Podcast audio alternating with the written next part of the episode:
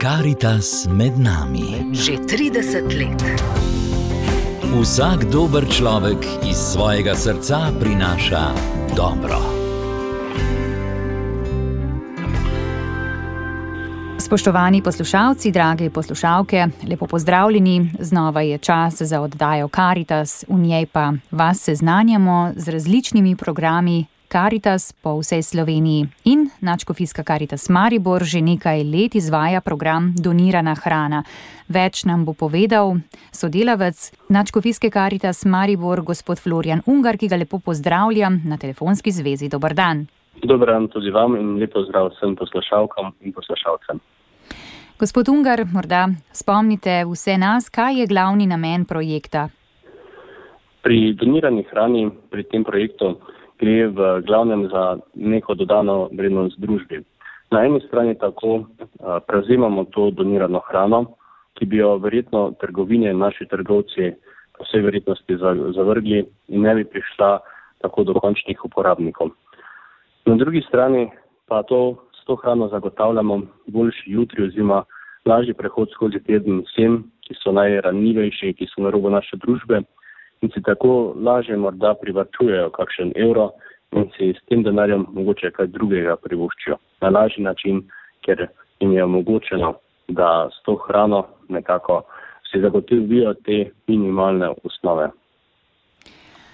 Kdaj ste začeli pravzaprav s tem projektom in v sodelovanju s kom, s katerimi partnerji, trgovinami danes poteka ta projekt?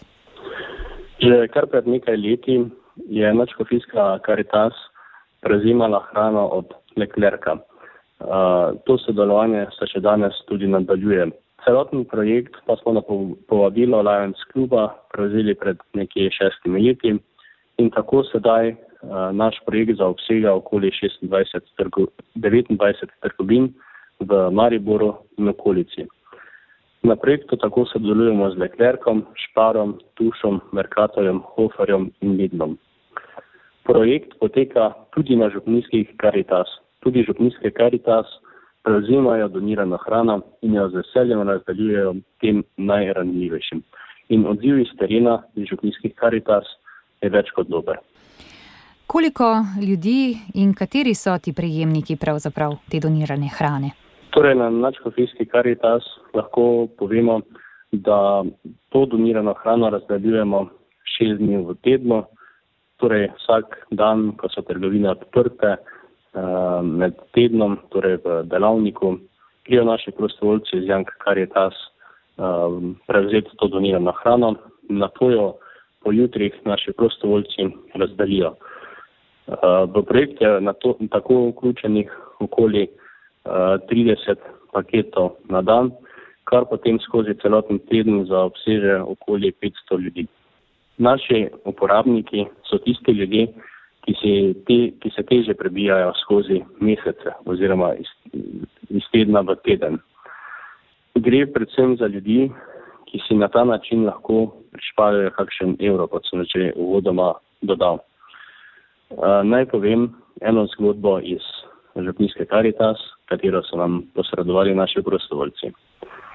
Po prevzemanju donirane hrane gre predvsem za te razne pekovske izdelke, potem tudi za različne štručke, toploteke, torej te stvari, ki so to hrana, ki je pripravljena, torej pečena, skuhana, ki jo sedaj trgovine tudi ponujajo, potem tudi za zelenjavo, eh, včasih tudi kakšen kos mesa, jogurte, eh, sir in mlečne, mlečne, mlečne izdelke.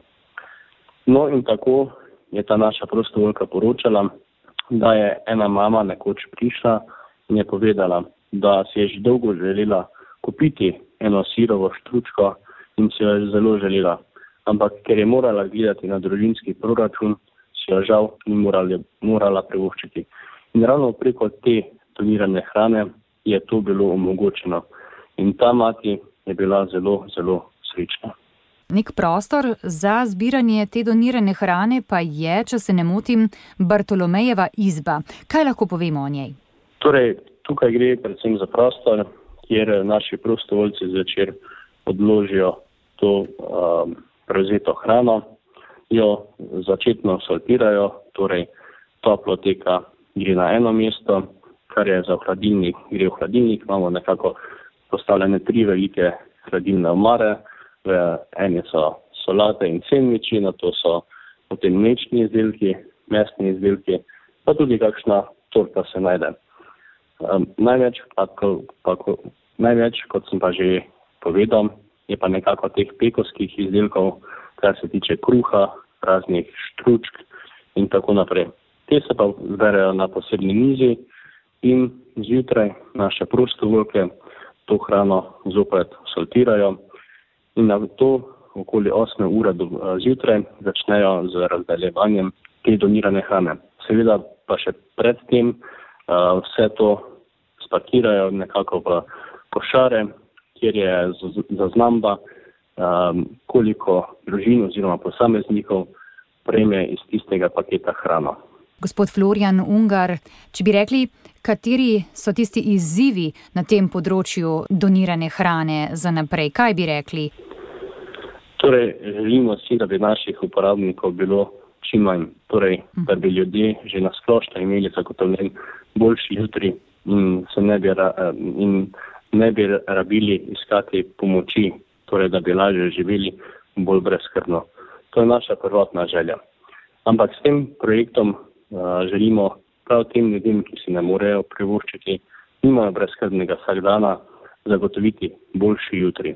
Popraševanje je zaenkrat, tako kakor bi rekel, delujemo po popraševanju. No? Torej, naših, pro, naših uh, uporabnikov je toliko, koliko lahko zagotovimo hrane iz trgovin. Včasih je te hrane več, včasih je manj.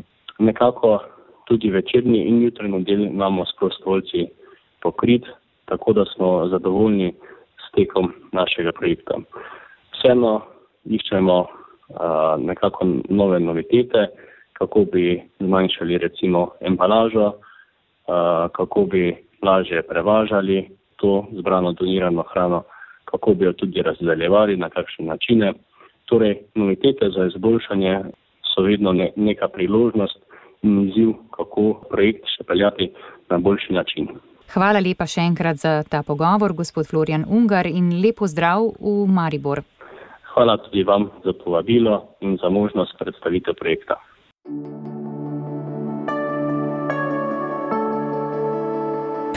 Karitas. Z vašo pomočjo za lepši svet.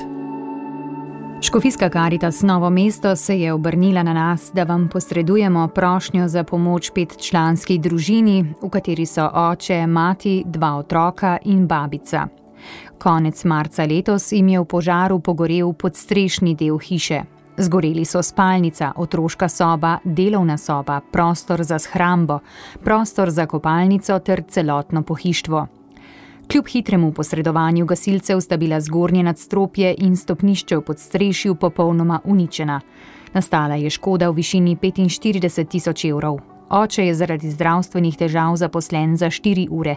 Mati prejema delno nadomestilo za izgubljeni dohodek, saj skrbi za hči, ki ima cerebralno paralizo.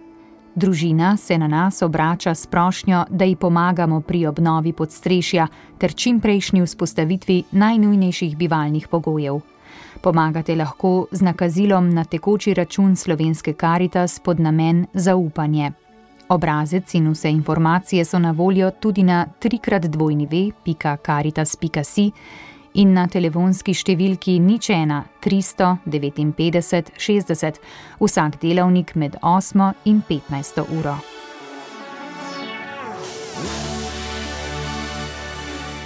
Ob sklepu pa še povejmo, da ima pravzaprav slovenska karitas danes rojstni dan.